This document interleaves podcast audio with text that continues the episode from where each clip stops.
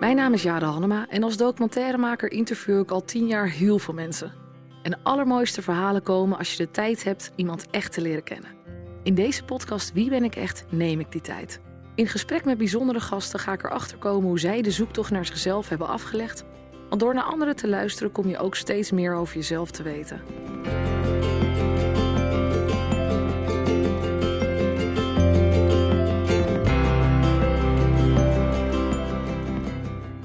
Leuk dat je luistert naar de 17e aflevering van de podcast Wie ben ik echt?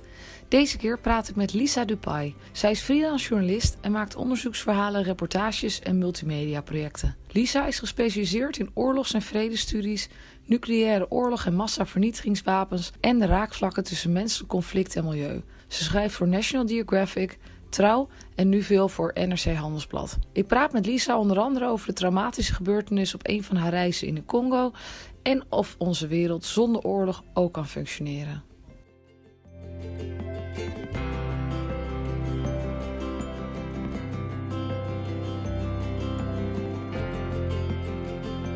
Lisa, Lisa nummer 2. Ja, Welkom in de podcast. dankjewel.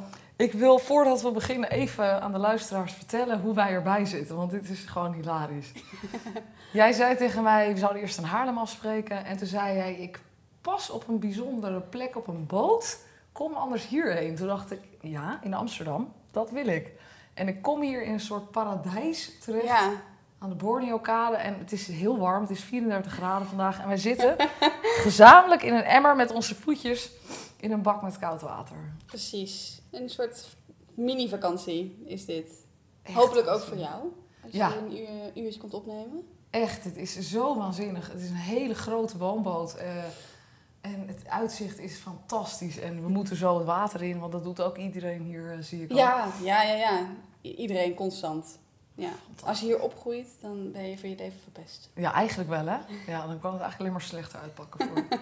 Lisa, ik, ehm, eh, ik heb even naar jouw cv gekeken en mijn hoofd duizelde van wat jij allemaal al hebt gedaan. Je bent journalist, je bent 28 jaar met je cv van een 56-jarige eigenlijk. Nou, Vind ik. dankjewel. dankjewel. Zo, Ik ben vroegwijs. Nee. Ja, oude ziel, oude ziel. Wat, wat, ehm, je hebt zoveel gedaan, maar kan jij even vertellen wat jouw eh, journalistieke... eh, ik heb nu ook een flauw, dus ik ga af en toe woorden vergeten. Want het komt gewoon omdat het warm is. Dus dat is wat, mijn, wat jouw focus is in je werk. Ja, eh, ik ben inderdaad journalist. ehm, onderzoeksjournalist soms. Maar ik ben eigenlijk altijd de, eh, de interesse en de focus op conflict eh, en oorlog. Eh, dat heb ik ook gestudeerd. Om die reden, omdat ik daar als journalist over wilde vertellen en dat goed wilde kunnen uitleggen. Ehm, en binnen de, de focus op oorlog heb ik officieel een papiertje wat zegt dat ik extra veel weet over nucleaire wapens. Ja, Allereerst, allereerst hoe, wat is jouw interesse met conflict? Hoe is dat ontstaan? eh, die was er echt al heel erg vroeg eigenlijk. Mijn ouders waren hele brave burgers die elke avond het 8 uur journaal keken. En dat is natuurlijk heel klassieke, klassieke nieuwsjournalistiek. Die is vaak van de iets meer incidentele soort. Dus het gaan- zijn echt nou, negatieve berichtgeving, eh, zeggen mensen wel eens. Dus het gaat veel over oorlogen. En, ehm, eh, en ik heb altijd geschiedenis interessant gevonden. En dat heeft ertoe geleid dat ik me realiseerde dat heel veel eh, eh, belangrijke momenten in onze geschiedenis, die echt ons als, als nou ja, mens, maar als, als, als ras, species, zeg maar, maken, dat zijn oorlogen, dat is conflict. Conflict is gewoon onderdeel van überhaupt de natuur.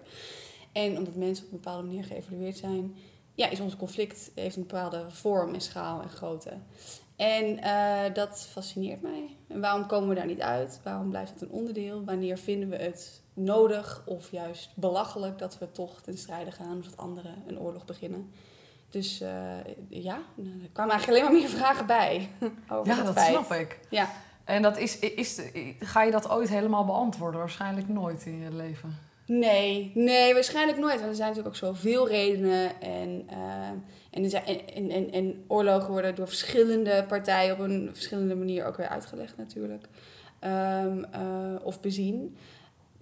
Dus je kunt dat alle, alle kanten opkeren. En ik denk ook niet dat we er ooit helemaal van verlost zijn. Ik denk dat we op, altijd op een manier uh, conflicten houden. En de ene keer is dat gewelddadig en, en escaleert dat. En de andere keer hoop je dat de politiek bijvoorbeeld zoiets bij elkaar kan houden. Maar je hebt dus niet het utopische beeld dat we ooit in een wereld leven waarin conflict niet hoeft te bestaan.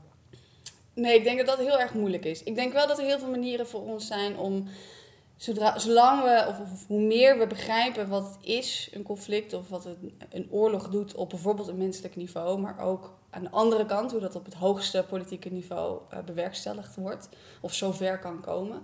Uh, hoe meer kennis we daarvan krijgen, hoe vaker het ook misschien uh, wel te deescaleren is. Of we eerder kunnen ingrijpen en dat beter kunnen doen.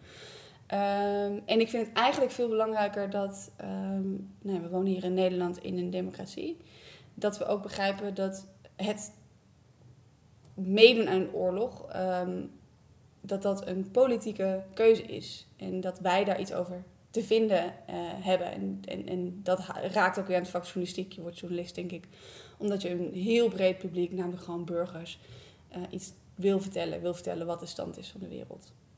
En wat denk jij, want jij zegt je vindt geschiedenis ook interessant. En we moeten dus ook kijken naar de geschiedenis, waarin ja. die conflicten allemaal uh, plaats hebben gevonden om van te leren. Maar het lijkt wel alsof we daar uiteindelijk niks van leren. Um, ja, dat is heel lastig. Dat, dat, um, nou ja, de, de, de, de, als de les moet zijn, uh, je, moet, je moet dus niet in oorlog gaan, want dan gaan er mensen dood, bijvoorbeeld. Want dan lijden er mensen. Dat is inderdaad niet een les die we, die we denk ik ooit gaan leren. Want er zijn andere belangen die daarin worden gewogen. Um, of te, ja, tegenover worden gezet. En soms wordt het als, um, ja, als belangrijk genoeg gevonden dat, er, dat, dat we ergens voor ten strijde trekken. Of we, of maar dat, dat we onze jongens en meisjes uh, ergens heen sturen. Uh, dus die les, daar geloof ik dan misschien ook minder in. Maar ik geloof wel in de les, nou zorg dat je geïnformeerd bent. En ook in de les... Um, als het gaat om bijvoorbeeld militaire internationale interventies, uh, grijp, probeer dan wel in te grijpen en dan weer niet in te grijpen. Dat zijn hele moeilijke discussies op het niveau van de Verenigde Naties bijvoorbeeld. Of, hè, we hebben natuurlijk Srebrenica gehad, daar we nog altijd van proberen te leren. Uh, Afghanistan, waarvan we denk ik meer zouden moeten leren. Um, dus ik ben eigenlijk meer voor het trekken van lessen in die randzaken. Is er genoeg transparantie? Weten we eigenlijk wel wat ons leger of onze politieke leiders beslissen? en te zorgen dat als het zover komt dat er weer een volgend gewapend conflict is, uh, ja, dat je dan die randvoorwaarden in ieder geval hebt gecoverd. Uh, ja. ja. Maar ik kan me ook voorstellen, omdat kijk, wij nu in een tijd leven waarin we naast de krant allerlei vormen van media tot ons nemen, waardoor we heel veel verschillende informatiebronnen uh, kunnen aanspreken. Uh, dat ook de, uh, als je weer leest over een oorlog, word je ook wat meer afgestompt van. Hè? Omdat we als. We krijgen gewoon meer informatie. Ja, ja we krijgen heel veel informatie. En um, ik denk dat het ook wel iets is. Nou, waar ook denk ik ook uh, krijgsmachten zelf mee worstelen. Wat is te veel informatie? Wat is de juiste informatie? Um, maar inderdaad ook waar je als journalist wel eens over nadenkt van Um, we hadden eind, eind 2018 uh, bijvoorbeeld eindelijk in de New York Times waren eindelijk journalisten erin geslaagd om Jemen binnen te komen. En dan zagen we verschrikkelijke foto's van kinderen die, die echt gewoon nou, voorbij hongersdood eigenlijk al zijn. En dan is de vraag, moeten mensen dit zien? En, en, en die afwegingen maak je per keer. Um, en ik kan uiteindelijk niet beslissen uh, of het publiek uh, berichtgeving uh, tot zich neemt en hoe ze dat doen en of dat blijft hangen. Of zelfs hoe ze dat interpreteren. Dat, ja. Um, maar ja, dus die afweging moet je blijven maken. En dat is heel, ja, er komen nu alleen maar meer kanalen bij. Dat is zeker zo als je het vergelijkt met... hè, er zijn ook iconische beelden en, en bijna beleidbepalende beelden... die uit de Vietnamoorlog zijn gekomen of uit de Irak-oorlog zijn gekomen. ja, en, en diezelfde foto's die zouden nu nou ja, triljoenen keer worden gedeeld op Twitter of, uh, of Instagram bijvoorbeeld. Um, inderdaad, dat, is, uh, dat, dat, dat gaat gewoon heel, uh, heel anders te komen. Ik vraag me alleen af, als, als, als ik even Gerda ben uit Broek in Waterland... en ik lees weer eens de krant, wat heb ik aan die informatie om te weten eh, van die nieuwe oorlog eh, of de ontwikkeling van een oorlog in Afghanistan waar ik helemaal niets mee te maken heb? Ehm, nee, je hebt, er, je hebt er als Gerda waarschijnlijk heel weinig mee te maken dat er. Uh, nee, dat is heel grappig. Als, als Gerda waarschijnlijk heel weinig mee te maken dat er ehm, meisjes die eindelijk naar school mochten gaan in Afghanistan nu uh, toch weer, uh, weet ik veel, uh, een, verhoogd terrorisme-risico meenemen en morgen worden opgeblazen. Of dat hun school per ongeluk of expres doelwit is geworden van een luchtaanval. Daar, daar heb je eigenlijk niks mee te maken. En dat raakt misschien Gerda emotioneel wel. Um, dus dat kan er gebeuren. Um, maar eigenlijk heeft Gerda er wel iets mee te maken als de Nederlandse regering besluit of het de vraag krijgt: ga je mensen sturen? En dan heeft Gerda misschien familie of bekenden die in het leger zitten. Maar in ieder geval zitten haar belastingcenten in het, uh, in het leger en is haar stem naar een Kamerlid gegaan die instemt of niet instemt met zo'n missie. Uh, maar goed, nou ja, dat, is dan, dat, is mijn, dat is mijn idealisme. Dat mensen inderdaad realiseren dat dat hun stem is. En dat dat de hoogste, eigenlijk de hoogste of de zwaarstwegende beslissing is volgens mij die politiek ongeveer kan maken. Ja. Um, wat, uh, voor wie schrijf jij? Uh, is dat, is dat uh, ja, heb jij daar een idee bij als jij een artikel schrijft over dit soort belangrijk thema? Ehm, veel van mijn werk verschijnt nu in NRC Handelsblad. dat is op zich een liberale krant heel een beetje links georiënteerd. Um, niet zo heel erg volgens mij. Um, en voor een, nou ja, dit is een, een, algemeen wel goed geïnformeerd publiek. Dus dat zijn mensen die ook wel buitenland nieuws volgen. En als bijvoorbeeld het gaat over beslissingen in de VN, uh, VN voorkomen, de Verenigde Naties voorkomen, dan, dan, dan hebben zij daar enig idee van hoe bijvoorbeeld vorige stemmingen verliepen of welke rol de VN kan spelen in bepaalde uh, conflicten. Dus meestal heb ik, dat, uh, heb ik, heb ik een, een, een wel geïnformeerd publiek. Um, ik vind het heel erg leuk om voor andere publieken te schrijven. Uh, ik ben zelf redelijk jonge vrouw. Dus met jongeren communiceren over deze thema's. Of met jonge vrouwen communiceren over thema's. Of dat nou is de vraag, moeten er meer vrouwen in het leger? Of de vraag, hoe worden vrouwen slachtoffer van conflict? En is dat anders dan mannen? Um, ja, dat vind ik wel interessante, interessante, interessante thema's. En ik zie, ja, niet in waarom vrouwen dat soort thema's bijvoorbeeld minder interessant zouden moeten vinden. Hè, waarom zouden de nieuwe revue er, wel over schrijven en de Linda minder bijvoorbeeld? Ja, dat is, ja, dat is inderdaad een goeie. Um, nou is jouw interesse, wat je al zei, uh, van nature uh, ook een beetje co conflict en, en wat daar uh, allemaal bij komt kijken. Heb jij zelf in, in je privé, ben jij ook conflictzoekend? Nee, ik ben super conflictmijdend. Oké, okay, dus daar ligt het zwaartepunt niet. Het is nee, daar ligt het, nee, daar ligt, ja, precies. Ja, nee, ik ben van mezelf wel iemand. Nou, behalve op mijn werk trouwens, want ja, ik durf in een interview wel hard in te gaan. Of in de beslissing om iets te publiceren of niet. Um, maar nee, met vrienden en familie. En uh, moet je, je moet veel doen om me echt, echt boos te krijgen. Dat okay. gebeurt niet zo snel. Oh, dat is mooi. Dat is mooi. um, en jij gaat natuurlijk nou ja, voor je werk ook naar conflictgebieden toe. Ja. Waar, wat is je laatste reis geweest? De laatste reis is wel echt een tijd geleden eigenlijk. Dat was in Congo. De Democratische Republiek, moet ik zeggen. Um, en dat is alweer twee jaar geleden. En dat was een heftige reis. Heb je, kan je daar iets over vertellen? Ja, dat was een heftige, heftige reportage. Die niet, eigenlijk nog niet eens bedoeld was als, uh, als echte zeg maar, live fire uh, reportage. Um, twee jaar geleden um, zat Congo in een soort politiek vacuüm. Um, daar moesten er uh, nieuwe presidentsverkiezingen komen. Die bleven maar worden uitgesteld door toenmalige president Kabila. En uh, Congo is een heel complex, uh, ik moet ook eerlijk toegeven voor witte, maar in ieder geval westerse journalisten, heel mysterieus mooi land. Uh, daar liggen allerlei problematieken, die grijpen daar in elkaar. Maar ook een heel groot land in Afrika. Het is een van de grootste landen, helemaal in het centrum. in een regio, Oeganda, Rwanda, die gewoon ook een, een, ja, een moeilijke, recente geschiedenis kent.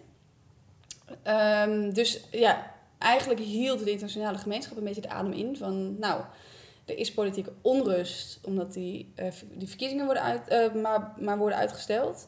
En uh, betekent dat dat er ook steeds meer gewapend geweld komt. Um, en dat was nog niet het geval op het moment dat wij gingen. En we hadden ook een heel specifieke case study eigenlijk uitgezocht. Een, een, een gebied binnen in Congo, in het noordoosten, om te onderzoeken. Een natuurgebied. Um, omdat Congo ook nog eens een land is. Het cliché dat we daarvan kennen is de, de, de conflictmineralen. Dus uh, goud en diamanten en kobalt. Um, die daar worden gedolven. Die op de westerse of de, tech, de technische markt heel veel geld opbrengen. Um, maar waar de praktijk van, van het uh, graven daarnaar, dus die, de, mijnbouw daar eigenlijk voor heel veel problemen zorgt.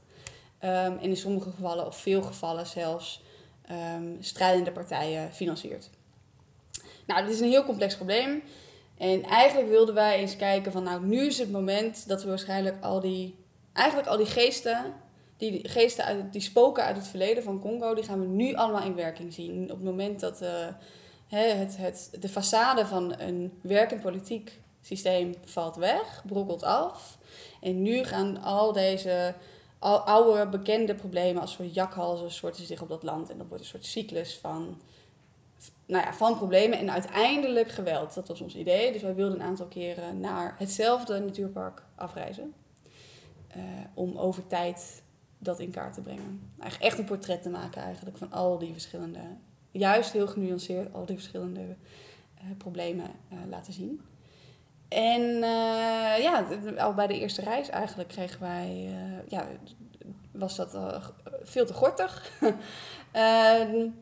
Ehm, we gingen op pad met natuurbeheerders, dus rangers of ja, bos, boswachters zou je kunnen zeggen, die de taak hebben om zo'n zo'n natuurpark uh, te beschermen.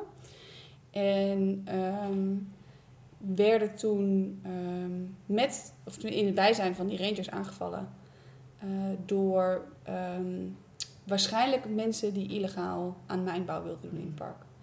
We waren, we waren een kijkje aan het nemen bij een oude mijn een goudmijn in de jungle, die daar illegaal was begonnen. Dus die was ook weer uh, gesloten.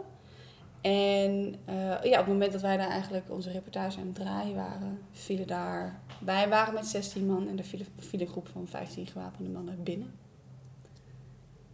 Ja. Dat is echt heel eng. Het is heel eng, vooral omdat het totaal niet verwacht was. Dus uh, over het algemeen maakt instabiliteit nog niet kogels vliegen je om de oren. En we, we waanden ons echt veilig in een, in een gebied van, nou ja, van een natuurpark dat beheerd wordt door de Congolese autoriteiten. Uh, en daarbinnen dus weer een mijn die onlangs was overgenomen, waar constant werd gepatrouilleerd. Dus waar constant parkwachters aanwezig waren. En eh, ja, de, de inlichtingen dat zich een, een, een, een groep bandieten had gevormd en zo goed had weten te organiseren, dat was gewoon ontgaan. Ja, het is ook niet heel gek. Het is hartstikke dicht bevolkt, bevolkte uh, regenwoud. Um, het is een enorm gebied. Uh, ja, dus wij werden allemaal, iedereen werd verrast. En wat ging er op dat moment door je heen? Nou, het ging ontzettend snel. En ik had nog nooit... Uh, ik had daarvoor wel in andere instabiele gebieden gewerkt... maar ik had nog nooit echt een vuurwapen gehoord. En vooral niet één die op mij gericht was. Dus ik dacht in eerste instantie dat ik popcorn hoorde knappen. Je gaat blijkbaar heel erg op zoek naar, naar de, de juiste referentie. Uh, en we waren aan het koken, moet ik erbij zeggen, op dat moment. We waren lunch aan het klaarmaken. Ja, en we waren daar aan het kamperen. En ik dacht, hebben wij nou per ongeluk mais in plaats van bonen in de pan gegooid? En hoor ik nou pop, pop, pop uh, uh, mais knappen. Maar ja, nou, ik denk dat dat misschien nog geen seconde door mijn hoofd ging. Want het werd heel snel alweer overruled. als een soort system error. Nee, nee, het is iets heel anders.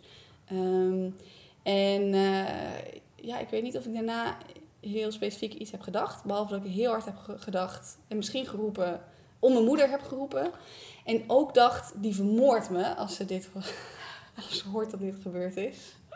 Mag je nooit meer op reis. Ik mag nooit meer op reis. En um, ja, um, ja, je moet, moet, gewoon maken dat je wegkomt. Dat en hoe zijn jullie daar uh, levend uh, vandaan gekomen dan? Nou, uh, niet iedereen is er levend vandaan gekomen. vijf mannen uit de groep park, parkwachters die, we, die met, ja, met wie wij op, op pad waren, die zijn omgekomen. Die stonden naast mij.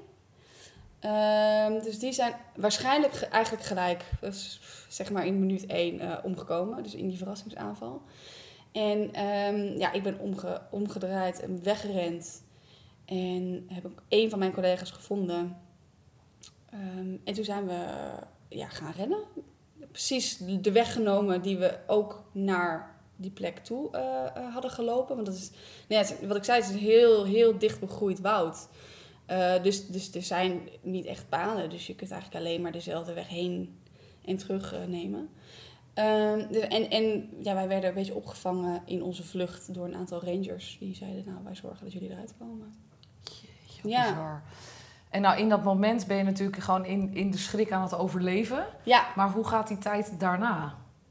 Ja, voor eh, echte emoties was, eh, nou, ik denk in de eerste week eigenlijk geen, geen ruimte. Vooral omdat we gewoon nog in Congo waren en je moet dealen met een nasleep en zorgen dat je weg kan, maar ook nog nazorg plegen voor de gemeenschap waar je was. Dus we hebben bijvoorbeeld het moment dat ik emotioneel heel zwaar vond, was om eh, de begrafenis mee te maken van de Rangers. Die met jullie Die natuurlijk met op pad wij, waren. ja, ja, en die, hè, het is niet, wij zijn niet de reden dat deze mensen zijn omgekomen. Die aanval was er sowieso geweest. Maar erbij, ja, bij zo'n ontzettend intiem moment zijn voor een gemeenschap. Die, eh net zijn dus vier, het waren vier parkrangers, vier gezinnen, families die een broodwinnaar eh, verliezen. Ehm, en ik, nou ja, zeg een man of twintig die collega's eh, kwijtraken. Dat was, dat was heel erg heftig. Ehm, maar verder, die, eerst, die, die, die week daarna direct in, in Congo zelf was eigenlijk alleen nog maar praktisch. Dus er was Ja. absoluut geen ruimte voor. Ik, eh, mijn ouders zeggen ook, als we, als we het er wel eens over hebben, toen je ons belde en, zeiden, en zei het is toch niet goed gegaan, klonk je als een robot. Ja. Dus, dus ik heb ook echt alleen maar tegen hun gezegd: Ik ben oké, er is fysiek niks met mij aan de hand. Eh, de zorgen liggen nu elders. Ehm, dus dat gaan we eerst regelen. En dan regelen we dat we naar huis komen. En dan zien we wel weer verder. ja. En eh, ja, toen kwam ik terug en toen ben ik gaan werken. Want je had een verhaal te vertellen. Ik bedoel, tegelijkertijd denk je vanuit je journalistieke vak natuurlijk... yes, ik heb iets, Ja, iets, iets heel smeuigs ook. Ook klinkt fout, maar snap je, Ja. dat is natuurlijk ook wel waar. het is heel krom.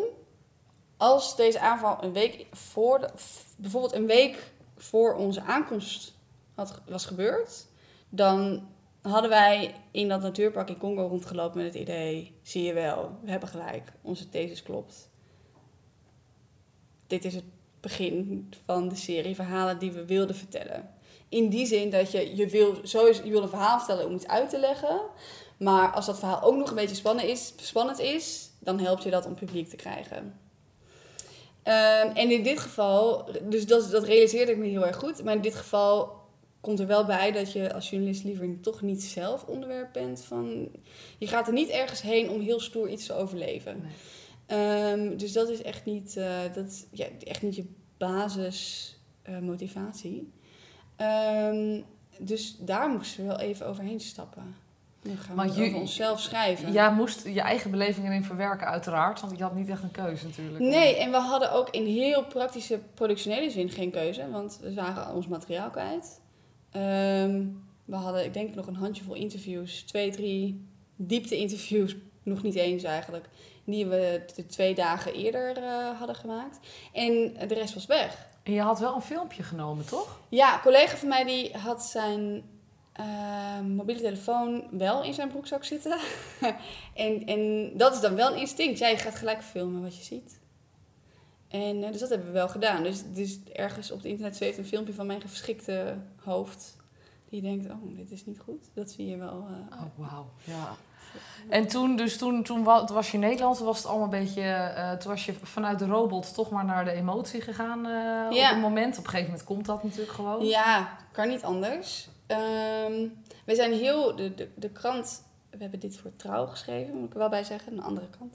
Ehm, en die hebben heel goed gereageerd. En die hebben ons gelijk naar de debrief gestuurd, zoals dat heet. Dus dat is eh Artsen zonder Grenzen. Die runnen een, ja, een service met psychologen. Eh, en die doen dat ook die doen dat voor al hun eigen artsen die terugkomen. Ehm, al, doe je, al kom je maar voor één sessie, maar je moet het gewoon even hebben dat je, nou ja, gisteren zat je in de Sahara of eh, in een vluchtelingenkamp en nu zit je in eh, Amsterdam Centraal. Dat, is, dat doet iets met je lijf en, en je hoofd. Ehm, en nou, de ene dag zit je in, word je beschoten in, in Congo en drie dagen later loop je rond op een redactie. Ehm, dus eh, ja, en daar ben ik best wel lang langs geweest. Omdat ik wel, de eerste emotie en de emotie die eigenlijk het moeilijkste was om overheen te komen, was, waren er twee. Niet eens dat ik bang was, daar heb ik niet zo heel veel last van gehad, achteraf zeg maar. Eh, wel dat ik me erg eenzaam voelde. Ehm, en eh, nou, dat dus eigenlijk mijn, de journalistieke motivatie die ik heb, ik wil mensen vertellen wat er gebeurt. In een soort van negatieve, snappen jullie dan niet wat er de hele tijd in de wereld aan de hand is? Verontwaardiging. En die is heel erg heftig als je in je eentje in de metro zit in Amsterdam. En dat iedereen misschien aan het lachen is of gewoon aan ja, het leven is. nou ja, het was juli en eh, Amsterdam en mensen die in zomerjurkjes append in metro's stapten of in trams stapten. En eh, nou ja, dit vond ik bizar. En, dan voelde ik me heel erg eenzaam onder. En dus, dus ja, en ik, je hebt ook niet de hele tijd zin om het alleen hè, om het te hebben erover met vrienden die allemaal heel lief zijn. Dat, op een gegeven moment houdt het op en dat is heel goed. Daar wil je het zelf ook niet meer over hebben. Maar dat contrast was heel, heel raar. Vond ik, hem, dat snapte, ik snapte het echt niet. Dus daar heb ik wel last van gehad. En ehm, wat ik heel lastig vond, nou, was wel het idee, ja, nou, je moest zo'n nodig een verhaal maken in de Congo. Nou, alsjeblieft, vijf mensen dood. Dat is een heftige. Oh, dat is een heftige, ja. En dus, ja, dus ik legde net nog aan jou uit, die, die aanval was ook wel geweest zonder mijn aanwezigheid. Maar dat moet je echt loskoppelen. ja. En daar heb ik lang over gedaan. Dat jij je schuldig voelde dat zij Ja. overleden, ja. Ja, daar heb ik echt lang over gedaan. Maar het schrijven van een verhaal helpt dan wel. Ja, Omdat je dan. ehm, ja, we hebben dus gezegd: oké, we gaan gebruik maken van die emotie. In de hoop dat dat dus inderdaad meer mensen attendeert om de problematiek. Eh, dus dan moeten we dan maar. Nou ja, in het Amerikaans militair Engels zeg je dan weaponizen oké. gebruik ja. van maken. Ehm, dat, is- dus dat gaan we doen. En ehm, ja, een verhaal. Ja, of je het nou over een dierenasiel in Bennekom schrijft. eh, of hierover, moet gewoon een goed verhaal zijn. Ja. Dus ehm, we schreven over de emotie en over de emotionele moment. Maar je moet daar met de afstand daarna... Nou, je moet gewoon editen. Je moet gewoon zeggen, ja, maar dit is niet goed opgeschreven. En dit moeten we anders opschrijven. En dus ehm, dat heeft geholpen, omdat dat, eh, de ervaring daarna ook een heel omlijnde, gestolde gestalte kreeg. Die ik makkelijk kan vertellen. En waaraan ik het ook merk als ik niet lekker in mijn vel zit. Ik denk, hé, hey, dan vertel ik dat verhaal in mijn hoofd. En ik denk, oh, maar nu zitten allemaal scheurtjes in. Dan weet ik, ah, oké, of ik ben moe, of eh, ik ben een beetje emotioneler. Of, eh, Dat dat verhaal op een of andere manier wat, wat gniepige Ja. bijzinnetjes gaat krijgen, zeg maar. Ja. Die niet, ja, dat is interessant. grappig genoeg tegelijkertijd voor mezelf ook een nieuwe check geworden. Van, eh, ben ik nog helemaal chill? Want anders gaat je, je soort van mensstemmetje jou dus dingen vertellen. Van nou had je nou dat dit of dat gedaan. En, Ja. eh, ja, oh wat Ja. interessant. Ja, Nou, dat of ga je ineens, eh, weet ik veel, dennenbomen. Ga je denk ik, loop je door een dennenbos en dan denk je, oh ja, door een bos. Ja, ik heb wel eens eerder door een bos gelopen en toen ging ik bijna dood. Ja, dat is, dit kan je niet, dit gaat natuurlijk nergens over. En dan weet ik gewoon, nou, er zit ergens, nee, moet ik gewoon even dichtkitten. Wat- Dit was een regenwoud in Congo. Dit is niet, Weet dit is echt een gesprek met jezelf. Van, Ja, ja. nee, ja, nee. ja, Wat mooi dat je dat kan. Want ik kan me echt voorstellen dat mensen zich wel in die stemmen verliezen. En dan word je, dan word je heel depressief. eh, dat denk ik. Ja, ja. Maar de, dus als jij wat minder in je vel zit, dan kan jij dus wel triggers hebben. Hè? Dat- Eh, ja. Ik kan me zo voorstellen. Ja, precies. En, ik la en heel soms laat ik het toe. Dan denk ik, ja, jeetje, oké, dan weet je, dan ben ik nu ook moe. Of ik heb bijvoorbeeld andere Afrika-verhalen gemaakt. Of ik heb toch een akelige documentaire over Congo opgezocht. Eh, want ik blijf het een interessant... Het blijft een beetje een, een, een mes dat aan twee kanten snijdt. Ik blijf het een heel interessant land vinden. Ik vind dat we daar aandacht aan moeten blijven besteden. Maar ik hoef niet gelijk op een vliegtuig te stappen morgen. Dat eh, ben ik nog niet helemaal aan toe. Want je bent twee jaar niet, eh, niet weg geweest. Is Ja. dat om die reden? Ja. Ja. Ja. En ehm, ja, we hebben... De collega, collega's hebben nog een vervolg gemaakt in Oeganda. Ehm, over de vraag, nou, wat is het eigenlijk waard om mensen dood te schieten in de jungle, dat goud? en nou, toen hebben we onderzocht eh, hoe die eh, illegale handel verloopt. Die blijkt, het goud blijkt richting, voor een deel richting Oeganda te worden gesluist en vanaf daar de internationale markt op te gaan. Dus ik heb wel een heel groot gedeelte van de research daaraan meegeholpen, maar ik ben niet meegereisd. Dat dat gewoon achteraf eh, denk ik ook dat het te spannend was. Ik dacht destijds, oh, dat gaat wel goed komen. Maar eh, bijvoorbeeld mijn ouders en vrienden vonden dat heel akelig. En dat was dan ook wel een zorg die ik ook niet mee wilde nemen. Je moet toch een beetje makkelijk op reis kunnen als je naar zo'n gebied gaat, zeg maar. Ja. Dus andermans zorgen worden dan je eigen zorgen. Dat helpt gewoon niet. ja, want jij hebt een trauma, maar de mensen om je heen natuurlijk ook weer, hè? Secundair eh, trauma. Dat kan ook, ja, zeker ouders. Maar god, ja, dat is wel even een ander verhaal. Ja. En de verhalen die je nu schrijft, als je dus niet in conflictgebieden op dit moment bent, wat zijn dat dan voor verhalen? Die zijn... ehm, ik ben nu met een iets formelere serie bezig eigenlijk. Dus dat gaat meer over wat wordt de oorlog van de toekomst. Dus dat is eigenlijk echt meer vanuit onze klassieke ehm, nou, legers beschreven. Welke nieuwe technologieën zijn er? Welke eh, nieuwe strategieën worden, welke wapens worden er ontwikkeld? Ehm, dus dat, is, dat, is, dat zijn verhalen die heel interessant zijn. Maar voor wel een, een iets spe- specifieker publiek kan ik me voorstellen. Want het gaat gewoon echt iets meer over, eh, over de hardware. Ja, precies. Maar en, en verhalen waarbij ik me iets meer kan, ehm, eh, kan teruggrijpen op mijn academische achtergrond. Ja, Die daar precies over gaat. Dus eh, ja. Maar ik schrijf nog steeds wel analyses vanaf het bureau. ehm, of, in, of in samenwerking met correspondenten. En heb je wel weer eh, ehm, een idee om wel weer een conflictgebied aan te doen in de nabije toekomst? Ja, ik ga binnenkort, als het allemaal goed is, eh, in oktober beginnen met een nieuw project. Op een gegeven moment wordt het namelijk ook wel weer tijd. Dan wil je ook echt wel weer naar buiten. Ehm, en ehm, ik ga een groot project, meerjarenplan heb ik eh, ontwikkeld met fotograaf Daniel Messel. En ehm, we gaan ons verdiepen in het Abrams Path. En dat is een eh, lange afstandwandelroute door het Midden-Oosten. Eh, dus dat betekent eigenlijk door een soort weerwar van verschillende conflictjes en conflictgebieden en algehele spanningen. Ehm, en die route die is gebaseerd op de weg die aartsvader Abraham zou hebben afgelegd. Ehm, en onderzoekers in conflictstudies die bedachten eh, dat die route eigenlijk te lopen zou moeten zijn. Dat er een markering zou moeten zijn voor die route. Eh, omdat eh, Abraham toch geldt als gemene deler, juist tussen alle religies die ook met elkaar weer overhoop liggen. Dus misschien is het echt een eerste stap, letterlijk, naar verzoening. Om mensen bij elkaar te brengen op dat pad. Oh, dat is wel heel mooi, ja. Dus het is een. Nou, ik, ben, ik blijf dus een beetje cynisch. Ik zei: conflicten gaan niet, eh, krijgen we niet de wereld uit. Dus ik denk dat het een illusie is, maar een hele mooie en een heel belangrijk symbool. En het is ook heel goed om te onderzoeken hoe mensen proberen vrede te maken. We hebben het altijd over. We vechten een oorlog uit, maar je moet soms ook heel erg hard werken om vrede te bewaren of te krijgen, of in ieder geval voorwaarden daarvoor te scheppen.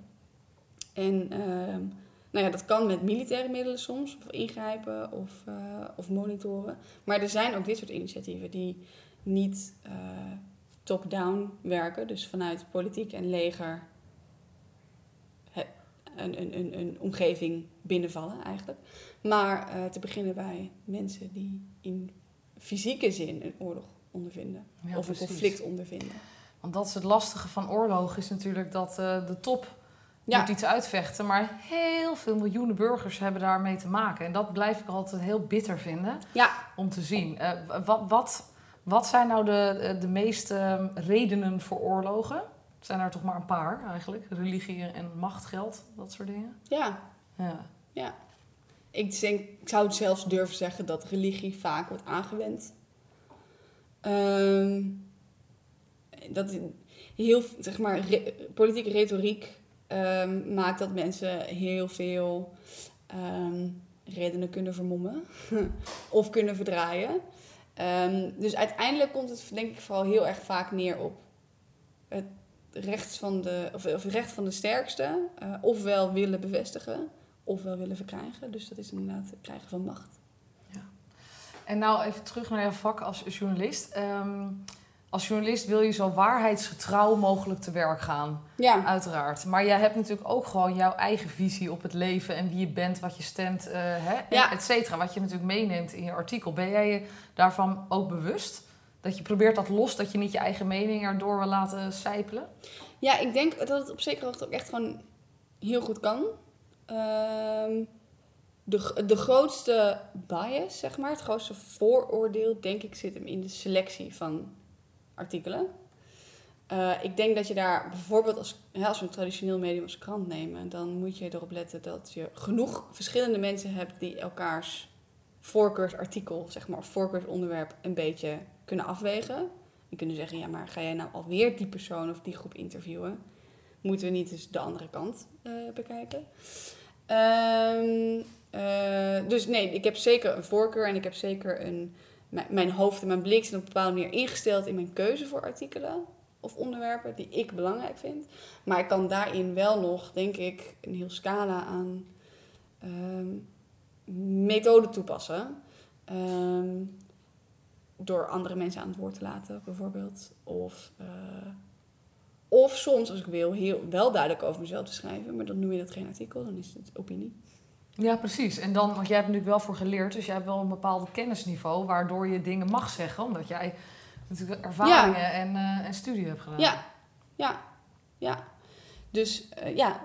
En, en ik vind ook wel... eh, kijk, ik vind het heel goed dat lezers en publiek daaraan meekijken en meedenken, zeg maar. Dat is het voordeel van... Hè, we zijn net al, je hebt al die veel meer kanalen die erbij zijn gekomen. Dat betekent ook wel dat mensen steeds makkelijker naar makers of journalisten... of de officiële vraagstellers, de mensen die geld en tijd krijgen om het te doen... Ehm, dat ze ook op hen kunnen afstappen en kunnen zeggen: Maar volgens mij mis je dit en dit. En heb je hier dan wel aan gedacht?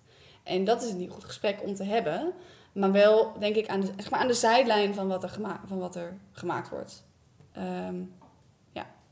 Dus een fietsen maken krijgt voor mij ook tijd en geld om mijn fiets te maken. En als hij dat heeft gedaan, dan zeg ik volgende keer van... Hé, hey, maar luister, er is toch ook een andere manier om een band te plakken? Ja, laten we het hier even over hebben. Laten we het hier even over hebben.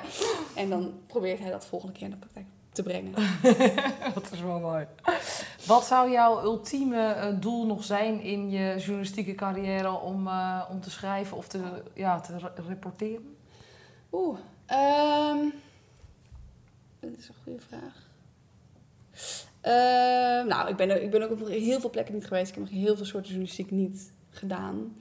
Ehm, dus ik hoop wel dat ik vanaf nu eigenlijk weer gewoon heel veel kan reizen en reizen. En, en plekken kan zien en daarover kan schrijven. Ehm, en ehm, correspondentschap is natuurlijk vaak een, hè, het, eh, de, de heilige graal. En het voordeel daarvan is dat je dan dus juist inderdaad als buitenstaander moet leren onderdompelen. In een hele nieuwe bubbel en een hele nieuwe wereld. En dat is natuurlijk wel een heel... Het is een beetje alsof je op een woonboot moet passen in de vakantie. Maar dat dan voor een paar jaar en op iets... Zeg maar, de stakes zijn iets hoger. Ja, precies. Want correspondentschap inderdaad in een conflictgebied zou op zich eh, jou niet meer staan, denk ik. Eh, nee, van een moeilijk, moeilijk gebied. Nee, dat lijkt me heel erg, eh, heel erg interessant. Ja, ja. Wie weet. Wie weet. Een eh, open sollicitatie. eh? ja. Jij hebt een eh, tatoeage, viel mijn oog al- al even op. Make waves. Waarom? Waarom? Nou, ik, dit is wel, ik vind dat je dit moet doen in het leven. Dus ik ben nu ook af. Toen ik hem liet zetten, toen dacht ik, nou oké. Ik hoef er ook niet meer. Dat zeggen mensen wel eens. Dat snap ik, maar nee. Het is Make Waves en dat is het. Ehm, ik hou erg van de Engelse taal. Ik had natuurlijk ook, zeg, ik, had natuurlijk ook iets Nederlands van kunnen maken. Maak golven. Dat is toch Ja. net anders, hè? Eh, maar in het Engels heb je de uitdrukking don't rock the boat. En dat is dus inderdaad, nou ja, eh, eh, schop niet al te veel schennis. Ehm, volg maar gewoon de regels. En ik vind eigenlijk, nee, do rock the boat. Dat heeft de boot soms gewoon nodig. en ehm, ja, zorg ervoor dat er een beetje commotie is. En En hoe zouden mensen dat... Kan je daar een voorbeeld van geven? Ja, dat mag ook op alle vlakken, zeg maar. Dus probeer.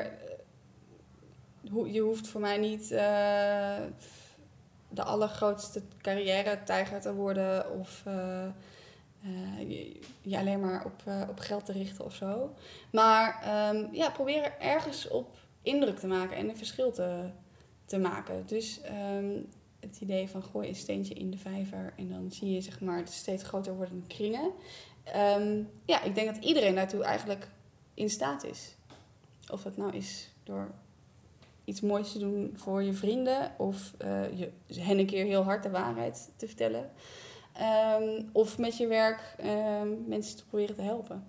Zorg dat je, als je hier toch op aarde bent, dat je gewoon meedoet. Dat je iets ja, doet, dat, je iets mee, nou ja, dat je, iets, Ja. dat je meedoet. Ja. Ja, mooi. Ja. Nou heet deze podcast Wie ben ik echt? En ik, ik ga altijd met, met mensen in gesprek over de zoektocht naar zichzelf.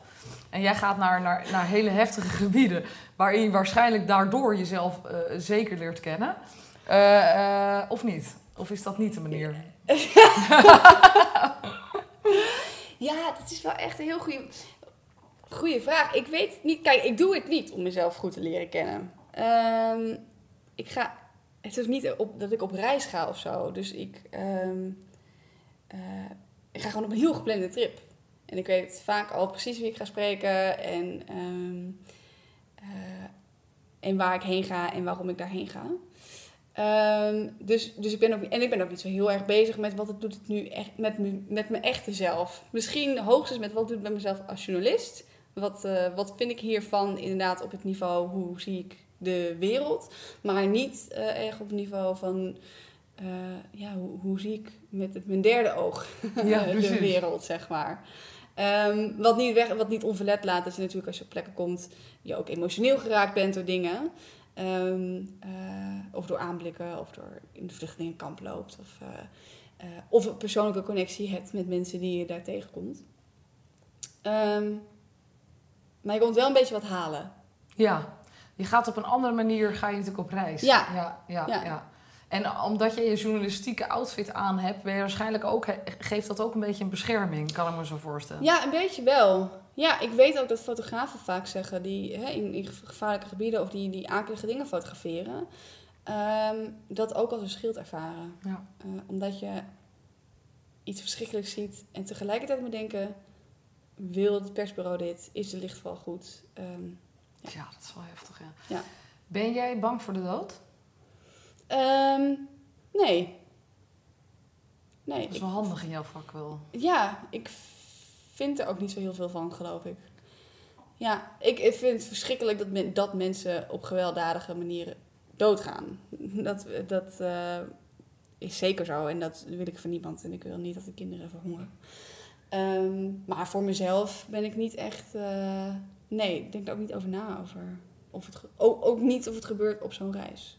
Nou, dat is wel, dat is wel gezond, eh, denk ik, Denk voor ik jou. ook. Ja, ik denk dat je jezelf anders ook echt gek Ja. kunt maken. Ja. Maar heb jij eh, de behoefte eh, gehad in je leven op dit moment, of hè, het leven tot nu toe, om jezelf te leren kennen op een manier, hè, los van de reis in je journalistieke vak? Nou, ik heb, toen ik jonger was, dus in mijn tienerjaren, wel veel spiritualiteit afgezocht. Ook wel er afgestapt, omdat ik uiteindelijk dacht... Nou, dit was eigenlijk een heel interessant antropologisch onderzoek. Had je toch een Maar, journalistieke de pak laatste, aan? ja, maar die laatste 10% eh zitten er toch net niet in. Dus dat was heel interessant. Dus ik heb bijvoorbeeld... eh, ik hou wel erg van de natuur. Ehm, ik was altijd een WNF-kindje en zo vroeger. Eh, dus natuurreligies ook heel interessant gevonden. Of dus, maar dat volgde voor mij allemaal redelijk logisch. En nou ben ik ook opgegroeid in de vroege jaren 2000... toen hekserij, een soort moderne hekserij, een soort van opleving had. Dus ik heb me daar wel erg in verdiept en ook veel geleerd en eh, lessen gehad in Coven en zo. En dat allemaal interessant en mooi en kalmerend vond, bijvoorbeeld bepaalde rituelen. Eh, ja, en toen uiteindelijk toch dacht, ja, maar ik ga me niet laten initiëren of zo, want dan moet je er ook echt in geloven. En dat eh gaat me dan weer net te ver. Dus ik vond het inspirerend en mooi ook om te zien wat het voor mensen deed. En dat het een keuze was om ja, maar ik zag het ook, dus ook heel erg als een sociale eh, keuze en een soort sociaal gedrag dat mensen vertonen. Ja, dat is, ik denk ook wel dat dat zo is. Want men zoekt natuurlijk een groepje met elkaar Ja, om dingen uit te wisselen en rituelen te doen, om, om ook bij elkaar te zijn natuurlijk. Ja. En gewoon eh, een clubje te hebben of zo, Ja. denk ik vaak. nou ja, ja precies. Ja, en dus, dus ik, eh, geen problemen met clubjes. maar ik vind het vooral leuk als ik dan bij verschillende clubjes mag binnenkomen. Ja, dat is toch jouw vak. Je Ja, bent gewoon ja. helemaal... Eh, Hoe, eh, zeg je ouders wel eens van, eh, hoe komt ze eraan? Of komt het door een van je ouders? Nou, ja, hoe komt ze eraan? Dat zeggen ze wel eens tegen mij, maar ze zijn het echt zelf schuld. Want als kind hield ik erg van schrijven. En wilde ik kinderboekenschrijfster worden. En toen heeft mijn vader gezegd, word nou journalist. Dat is een echt beroep dat altijd bestaat. Dit was nog... Nou, mijn vader is ook een late adapter, moet ik zeggen. Die had pas nu met kerst een eerste smartphone gekregen. Dus die zag ook als journalist zeg maar echt de klassieke archetype of kuifje of weet je wel, zeg maar een heel klassiek typemachine en geen internet voor zich. Eh, eh, dus die zei, ja, ja, kinderboekenschrijfster, dat is heel lastig hoor, en die kinderboeken allemaal te verkopen. Word maar journalist, dan heb je ook nog gewoon een echte baan, moet je gewoon 9 tot 5 op kantoor ook gewoon werken. Zei ik, oké, ga ik dat doen. En dat bleek elke ook dag nog- mag schrijven. Ja, dat maakte je... Dat, oh, wat grappig. Ja, dat nam jij wel echt aan. Want de meeste kinderen denken, ja, pap is goed, maar ik word toch lekker kunstenaar. Dat maakt me niet Ja. uit. Maar... Ja, dus ik, dat is dus echt een beetje blijven hangen, ja. En, eh, en dat kinderboekenwensje, is dat er nog ergens? Of, eh? Nou, kinderboeken niet per se, maar eh, nou, een boek. Boeken. Zeker. Ja, ik vind het leuk om op verschillende ehm, ja, nou, ni- niveaus, maar eh, ook snelheden te moeten eh, nou, produceren. Ehm, en eh, ik ken nu inderdaad het schrijven van artikelen als een vorm gewoon van productie. Ik moet gewoon, moet ik gewoon kunnen inmiddels. Ik ben denk ik vijf jaar professioneel fulltime journalist. Ja, moet je gewoon een artikel kunnen schrijven of drie in de week. Maar een boek is dan weer heel anders. Dus ik ben, wil wel eens weten wat dat met je hoofd doet en al je schrijfgewoontes. En, Ja. ja. En, en misschien ook wel een keer fictie, ik weet het niet.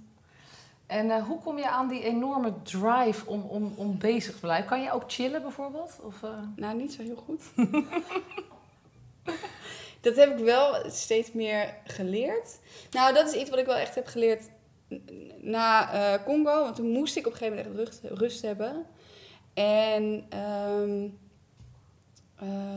nou, toen heb ik me daarna ook wel gerealiseerd dat ik ook de periode daarvoor echt veel te hard heb gewerkt. En dat mijn oplossing toen ik me niet relaxed voelde, was om gewoon dan maar gewoon nog meer te gaan werken. Want dat kende ik gewoon en dan had ik tenminste mijn werk af.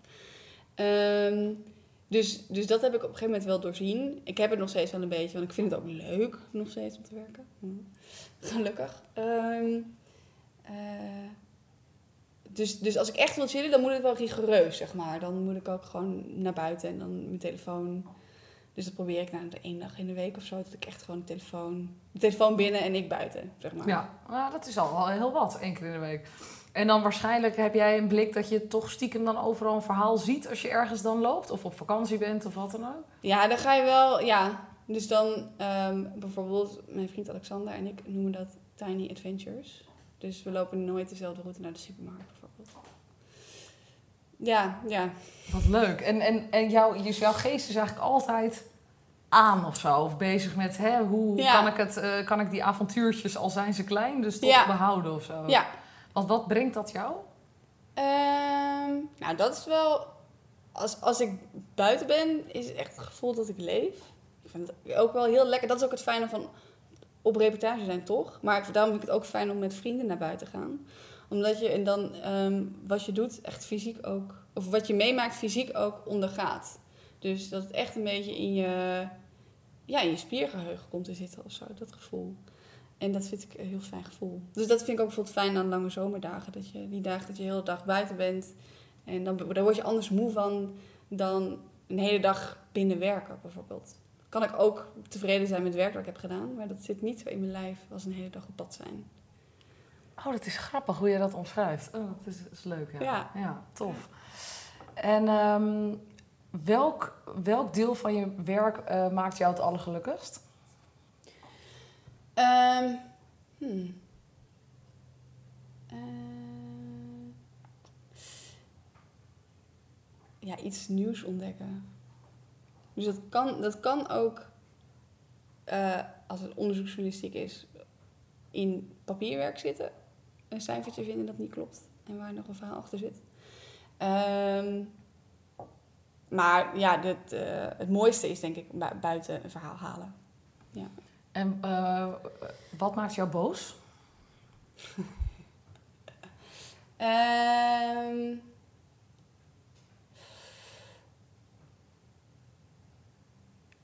onge ja, desinteresse. Ik wilde zeggen on- ongeïnformeerd zijn, maar daar kan je iets aan doen. En desinteresse voorkomt vaak dat mensen zichzelf beter informeren. Een soort vooringenomenheid, daar kan ik echt erg... eh, En desinteresse voor dus hè, informatie hè, in jouw vak, dus, dus, dus, eh, op de hoogte zijn van nieuws, de wereld, dat Ja. Nou, nou, je hoeft voor mij echt niet alles eh, te weten, want dan had ik geen baan meer. Dus ik vind ook bijvoorbeeld het wel leuk om zo, dat vrienden op de hoogte te houden van dingen. De, ze zouden me ook niet kunnen stoppen als ze dat wilden. Ehm, maar doen alsof je iets weet. Terwijl je eigenlijk geen zin hebt om je ongelijk bewezen te zien. Dat vind ik heel, heel ergelijk. En oneerlijk. En dat kan ook, denk ik, zijn in relaties, hè, of relaties, maar in, in de manier waarop mensen zich soms tot elkaar verhouden. Ehm, ik gebruik heel veel Twitter. En eh, nou, ik denk dat veel mensen die ontzettend irritante eh, conversaties ook wel herkennen. En ik moet er niet aan denken dat ik dat zeg maar, in real life heel veel zou meemaken. Dus iemand die zegt nee, het zit zo en die weet er Ja. helemaal niks van, maar die wil Ja. gewoon niet toegeven dat jij. Ja. Ja, ja, ja. Ja, ja, ja. Ja, en dat niet, eh, niet eens ik, maar gewoon, gewoon het zo, ja. Of je hoeft niet alles van mij aan te nemen, maar wel, eh, ga wel in gesprek met mensen die dat, ja, die een probleem aankaarten. Ja. Ja. Ja, op Twitter zou je waarschijnlijk wel heel veel eh, ellende. Zie je de mensen in al zijn facetten, zeg maar. Ja, ja, sowieso. Ja, nee, dus daar moet je eigenlijk niet veel op letten. Dat is Maar eh, jij brengt op Twitter natuurlijk ook eh, gewoon je artikelen, zet je erop en, en laat je ook wat meer zien van wie je bent? Of? Ja, en, ik, en, en ehm, ik zoek er veel naar informatie. Er zijn natuurlijk veel mensen die, ehm, in, ook mensen in moeilijke gebieden of moeilijk begaanbare gebieden, die hun getuigenissen online zetten. Eh, dus daar maak ik wel veel gebruik van. Ehm, en er wordt heel veel, veel, veel onderzoekers ook eh, in mijn straatje die gebruik maken van Twitter als hun algehele nou ja, vergaarbak van eh, ja, snel, een snel medium natuurlijk ook. Om, Ook een snel ja. medium, ja. ja. Heb jij een voorbeeld? Ehm, eh, ja, in Nederland hebben we Minka Nijhuis. Dat is echt een grande dame.